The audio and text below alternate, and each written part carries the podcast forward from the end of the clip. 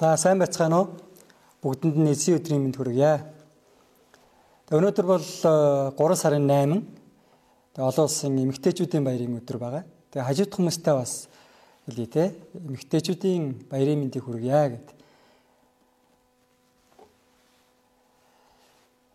За тэгэд өнөөдрийн бидний суралцах э, номлын нэр бол мэрэгэн хүмүүсийн ёсоор алах.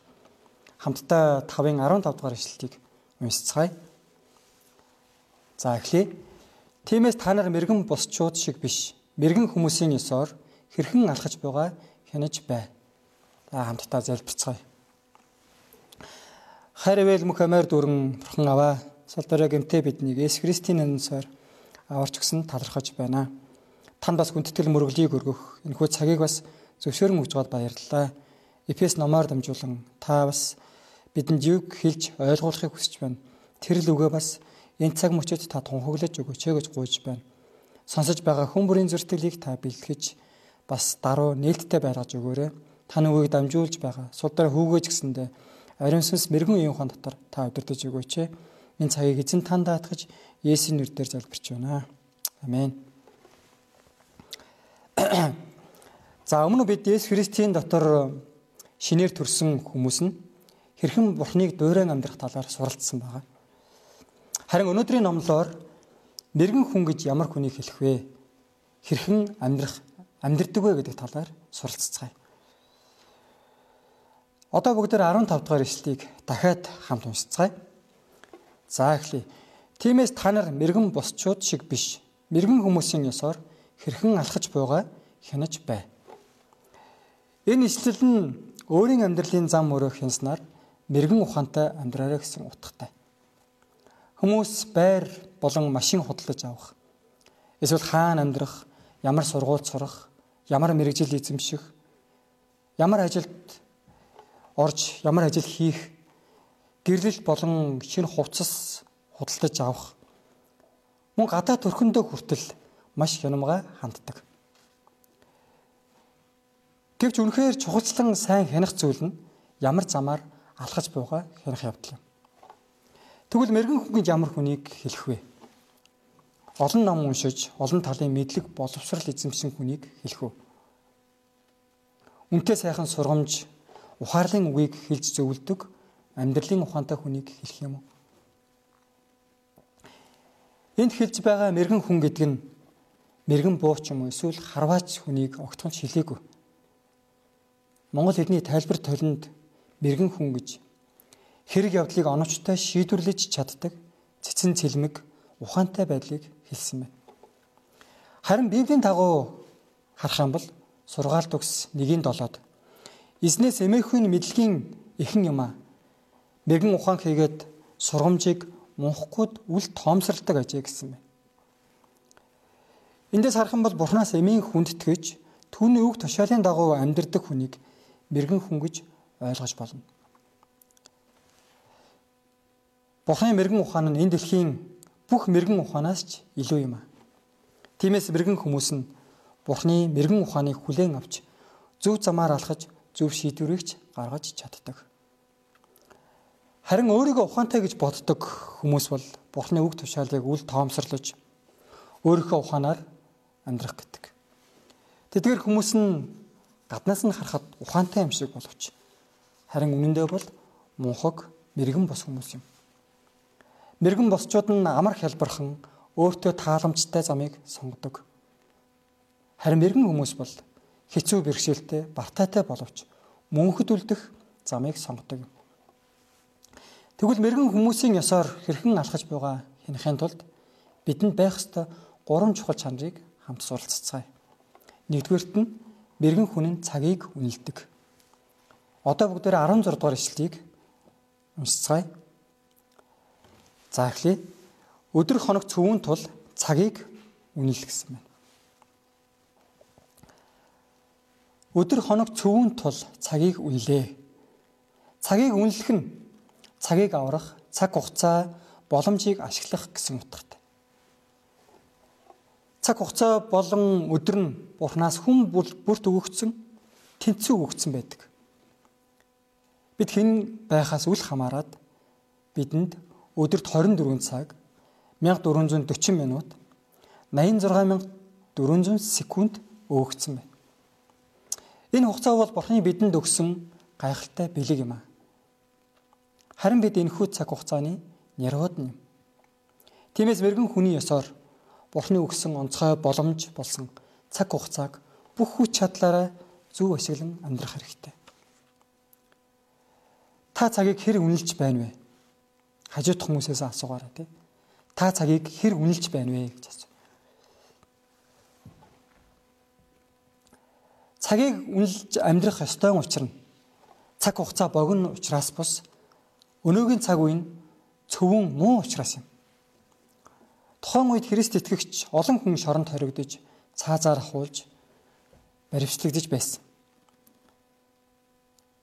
Үүслэх боломжгүй өдөр удахгүй ирэх учраас Бурханд үүслэх боломжийг итгэгчид алдаж болохгүй гэж Паул хэлсэн байна. Тиймээс мэрэгэн бус Мэргэн хүмүүс нь бузар муу цөвөн энэ цаг үеийн уур амьсгалыг дагаж амьдралгүй бүх боломжоо ашигладан мууг эсэргүүцэж сайныг үлдэн амьдрах хэрэгтэй. Өнөө үед залуучууд PC тоглоом, Facebook, YouTube болон телевиз үзэж ухаалаг утас гэх мэтийн дэлгэцийн ертөнцид цагийг өнгөрөөж байна.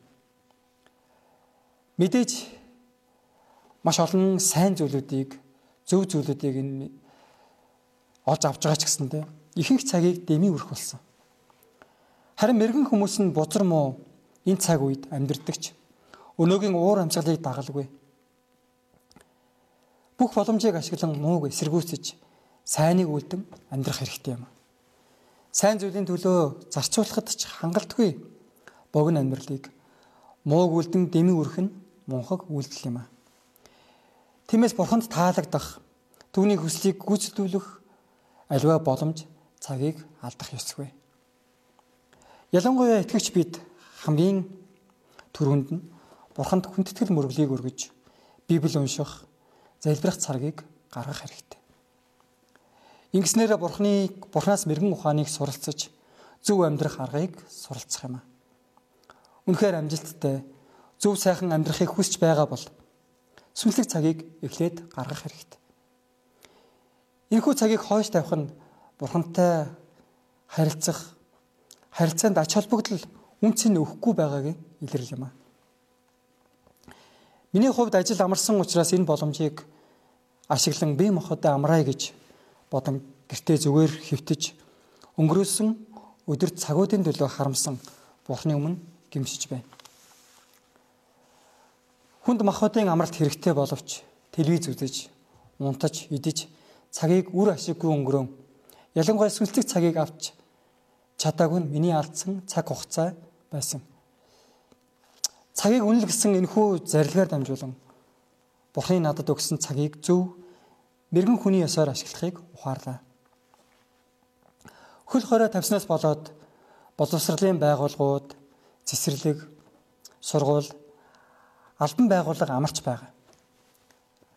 Үүнийг бид муу талаас нь харах юм бол олон зүйлийг хэлж шүүмжил болох боловч энэхүү цаг хугацааг Бурхны бидэнд өгсөн боломж гэж бодон гэр бүл өр хүүхдүүдтэйгээ цагийг өнгөрөөж эрүүл мэндэд анхаарч амжуулж чадахгүй байсан ажлуудаа ч гэсэндээ амжуулж ялангуяа сүнслэг цагийг ч гэсэндээ хичээнгүйлэн авч Бурхантай харилцаагаас сэргийх боломж гэж харвал үнэхээр ухаалаг байж чадах юм. Мөн энэ цаг хугацаа нь онлайн цуглаан хийх мэдлэг туршлага, салбар чуулган байгуулах суурьгч тавьж сайн мэдээг хувьчлан хуваалцахын ашиг тусыгч бидэнд ухааруулж байна. Энэ цагт UBF чуулганыхан бид мэрэгэн хүний ёсоор Бурхны алдрын төлөө цаг хугацааг үр ашигтай зарцуулдаг амьдралаар амьдрч чадахыг хүсэн гуйж байна. Хоёрдугаарт нь мэрэгэн хүн нь Бурхны хүслийг ойлгож ухаардаг юм аа. 17 дугаар ишлэгийг үзээрэй. Хамтдаа уншицгаая. За эхлэе. Тимээс бүү мунхаг бай. Харин эзний хүсэл юу болохыг ухаар.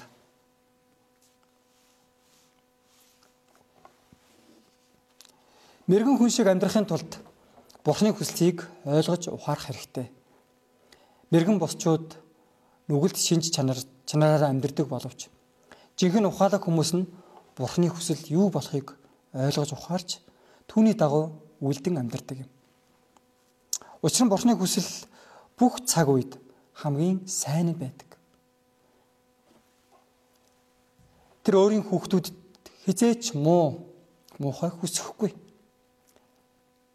Тиймээс мэрэгэн хүмүүс зөвхөн өөрийн хүсэл сонирхол таашаалд анхаарлаа хандуулахын оронд их эсний хүсэл юу болохыг ойлгож ухаарахыг хичээдэг юм аа. Бурхны хүслийг мэдэх олон арга замууд байдаг ч хамгийн гол нь Бурхантай ойр дотн харилцаатай байх нь хамгийн чухал юм. Эзэн бурхантай маш дотн харилцаатай байснаар түүнд зүрстгэлэн өргөж тэгснээр түүний хүслийг ойлгож дагах чин хүсэлтэй болдог. Библиэд бичснээр бурхан хүмүүст өөрийн хүслээ өөрийн үгээрээ залбирлаар нөхцөл байдлаар чуулганаар зүүдэр болон үзэгдлэр иш үзүүлэгчээр тэнгэр элчээр мөн элчээр болон шатаж буй бут гэх мэт олон арга замуудаар илэрхийлж байсан. Гэхдээ өнөөдөр ч гэсэндээ ийм арга замаар бурхан хүслээ илэрхийлнэ гэсэн үг биш юм. Бид төгс өчөд бурханд итгэж түүнээс эмээн хүндэтгэж байгаа л бол түнд бүх амьдралаа бүх зүрх сэтгэлээ бүрэн өргөх хэрэгтэй юм. Амен үү? Амен. Тэгээд түүнээс хичээнгүйлэн залбирэн асууж түүний үг болон үг болсон Библиэр дамжуулан ойлгож ухаарч чад. Хэрвээ та жаахан эргэлзэж ойлгож чадахгүй бол хамтран зүтгэгч ба сүнслэг удирдагч хончтын зөвлөгөөг сонсож мөн нөхцөл байдлаар дамжуулан бурхан хэрхэн ажиллаж байгааг ажиглаарай. Хамгийн гол нь бурханы хүсэл мөн гэдэгт итгэж дуулууртай байх нь амгаас чухал юм. Хэрвээ бурхан хүслээ илэрхийлсэн ч гэсэндэ үгүй энэ таны хүсэл биш байна би энэ замаар алхаж явж чадахгүй гэж эргэлзэж байгаа бол хүлээн авч чадахгүй байгаа бол бурхан хүслээ мэдүүлсэн ч энэ ямар ч үр дүнгүй ямар ч ашиггүй зүйл.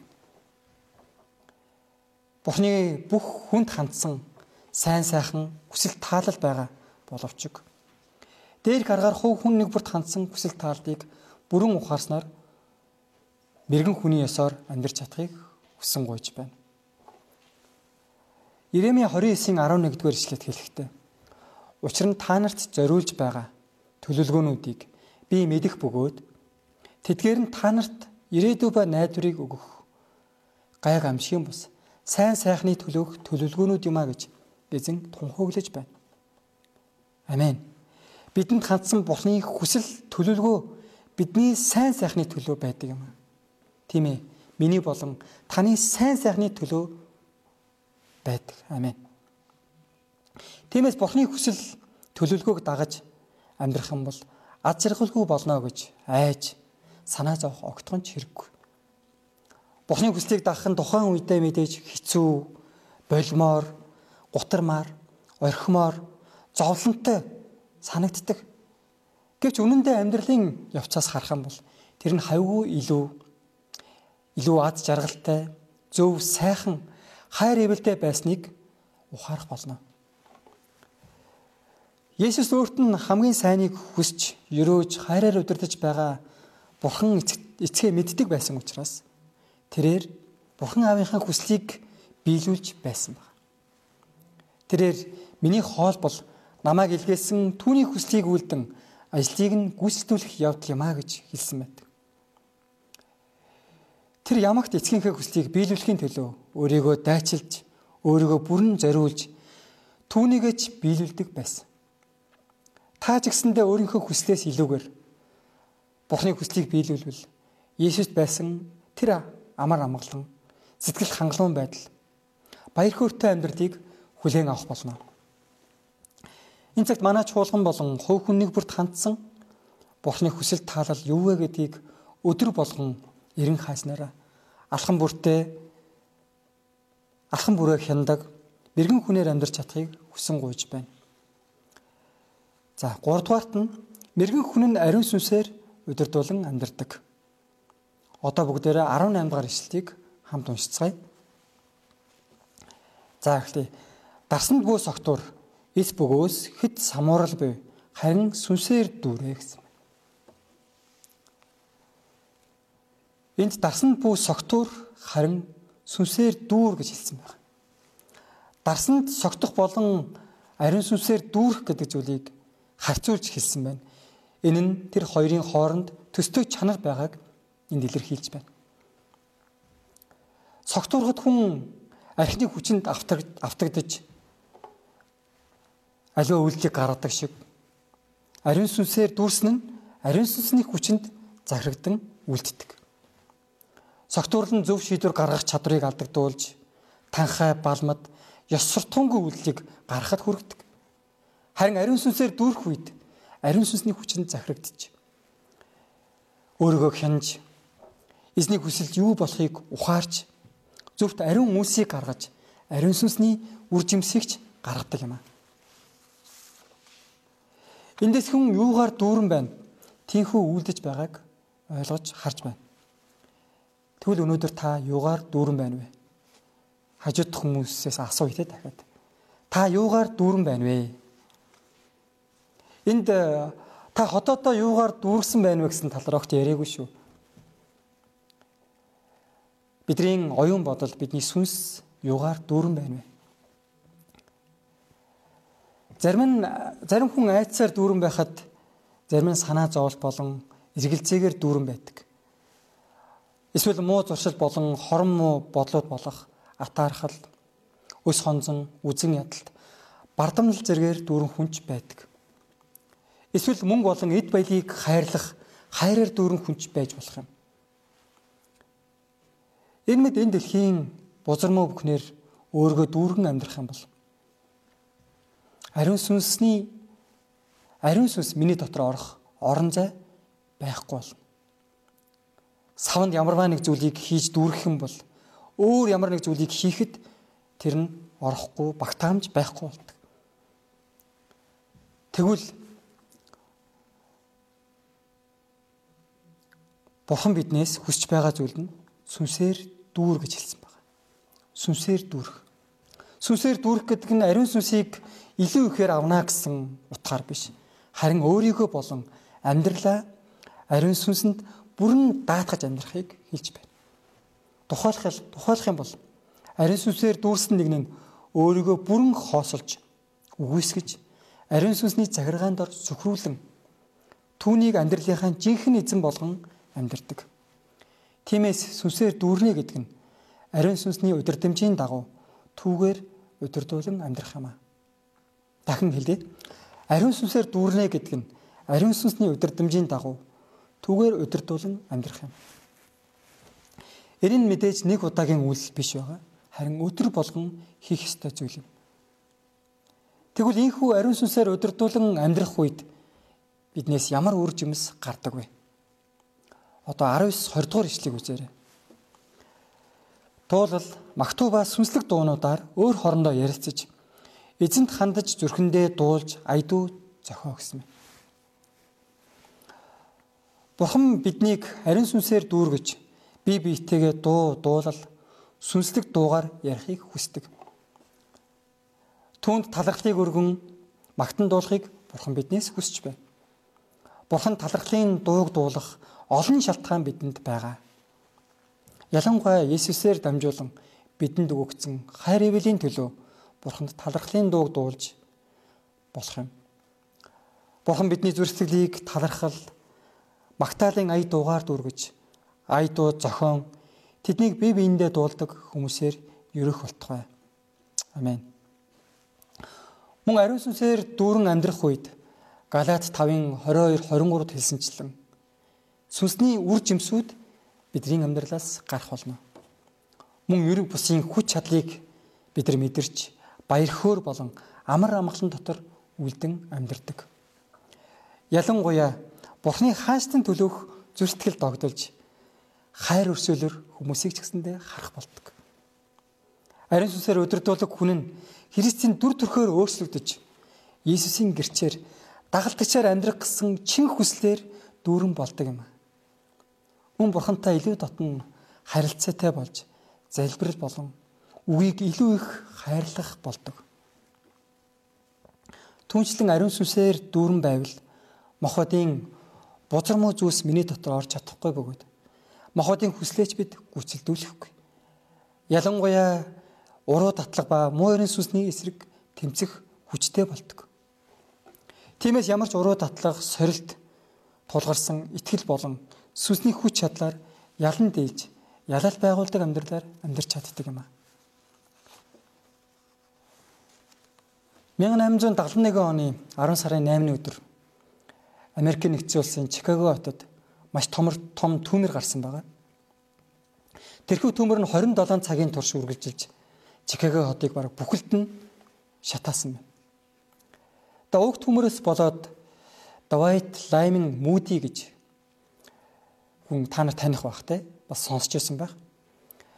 Түүний гэр болон түүний цуглааны байр, түүний үүсгэн байгуулсан YMCA гэдэг залуучуудын олон улсын байгууллага байгаа. Түүний төв байр нь хүртэл бүрэн шатсан байна. Тэгээ уг төмрөөр мүүдид маш их хохирол учирсан. Гэхдээ гэхдээ мүүдийн сүлд уг төмрөөр дамжуулан ариун сүнсийг хүрцэн гэж зүйл дурсан хэлсэн байна. Тэр хэрэг бид ариун сүнсээр дүүрэн байхгүй бол Бурханаас авсан хайр ивэлийг эдэлж чадахгүй гэж бас хэлсэн байна. Үүний дараа тэр ариун сүнс тусна гэсэн итгэлтэйгээр сайн мэдээний ажлыг хийх болсон байна. Түүний хувьд мартагдчихгүй хоёр чухал үйл явдал байсан бөгөөд нэгт нь залуу байхдаа Кимбл гэдэг багштай уулзаад Иесус Христэд итгэх болсон. Нөгөөх нь Чикаго хотын төмрээр дамжуулаад ариун сүнсийг тэр хүртсэн явдал гэж дурдан хэлжээ. Дэн цагт бид бүхэн өдөр болгон ариун сүнсээр дүүргэн үхийг хүсэмжлэн гуйж ариун сүнсээр өдөрдүүлэн амьдарч чадахыг хүсэн гуйж байна. Дүгнэлт Өнөөдрийн номлолоор мэрэгэн хүн хэрхэн амьдрах талаар суралцлаа. Мэрэгэн хүмүүс ухаантай болохыг хүсдэг. Хүмүүс мэрэгэн ухаантай болохыг хүсдэг. Мэрэгэн ухаанаараа алдартай Израилийн Соломон хаан анханасаа мэрэгэн ухаантай байгаагүй. Харин Бурханаас мэрэгэн ухааны гуйснараа хамгийн мэрэгэн ухаантай хаан болж чадсан баг. Үүнчлэн Библийн дагуу мэрэгэн хүн нь Бурханаас эмийн хүндэтгэж түүний үгийг хайрлан дуулууртай дагдаг хүн юм. Мэрэгэн ухаан нь Бурханаас бас эхлэлтэй юм аа. Тэгэхээр мэрэгэн хүн нь Бурханы өгсөн цаг ба боломжийг хамгийн үр ашигтайгаар зарцуулдаг итгэмжит нярав байж чаддаг. Мэргэн хүн нь Бурхны хүслийг ойлгож ухаардаг учраас зөв замыг олж амжилттай амьдрч чаддаг. Мэргэн хүн нь ариун сүнсээр дүүрэн амьдрдаг учраас махбодын хүслүүдээс татгалзаж сүнсний үр жимсийг гарган амьдрдаг. Тиймээс энэ цагт бид бүхэн мэрэгэн хүний ёсоор амьдарч алхам бүрээ хэн чадахыг хүсэн өрөөж байна. Амен хамтдаа залбирцгаая. Хайртай эзэн минь танд баярлалаа. Энэ цагт өөрийн үгийг өгсөнд талархаж байна. Мэргэн хүн нь хэрхэн амьдрах аргыг бас зааж өгсөнд баярлалаа. Үнэхээр эзэн бурхныг хүндэтгэж түүний үг тушаалын дагуу амьдрч дуулууртай дагдаг хүн нь үнэхээр мэрэгэн хүн юм а гэдгийг бас заан өгсөнд талархаж байна. Бид бүхэн мэрэгэн хүний ёсоор Эзэн таны хүсэл таалыг ойлгон ухаарч таны үг тушаалын дагуу таны мэрэгэн ухааны дагуу таны тэр бидэнд зааж өгсөн тэрл хүсэл төлөвлөгөөний дагуу амьдрахад та биднийг удирдах өгөөрэй. Бид өдөр болгон бас ариун сүнсээр дүүрч ариун сүнсний удирдамжийн дагуу үржимстэй амьдрахад та биднийг бас удирдах өгөөрэй гэж гуйж байна. Энэ цагта хамт байж удирсан баярлалаа.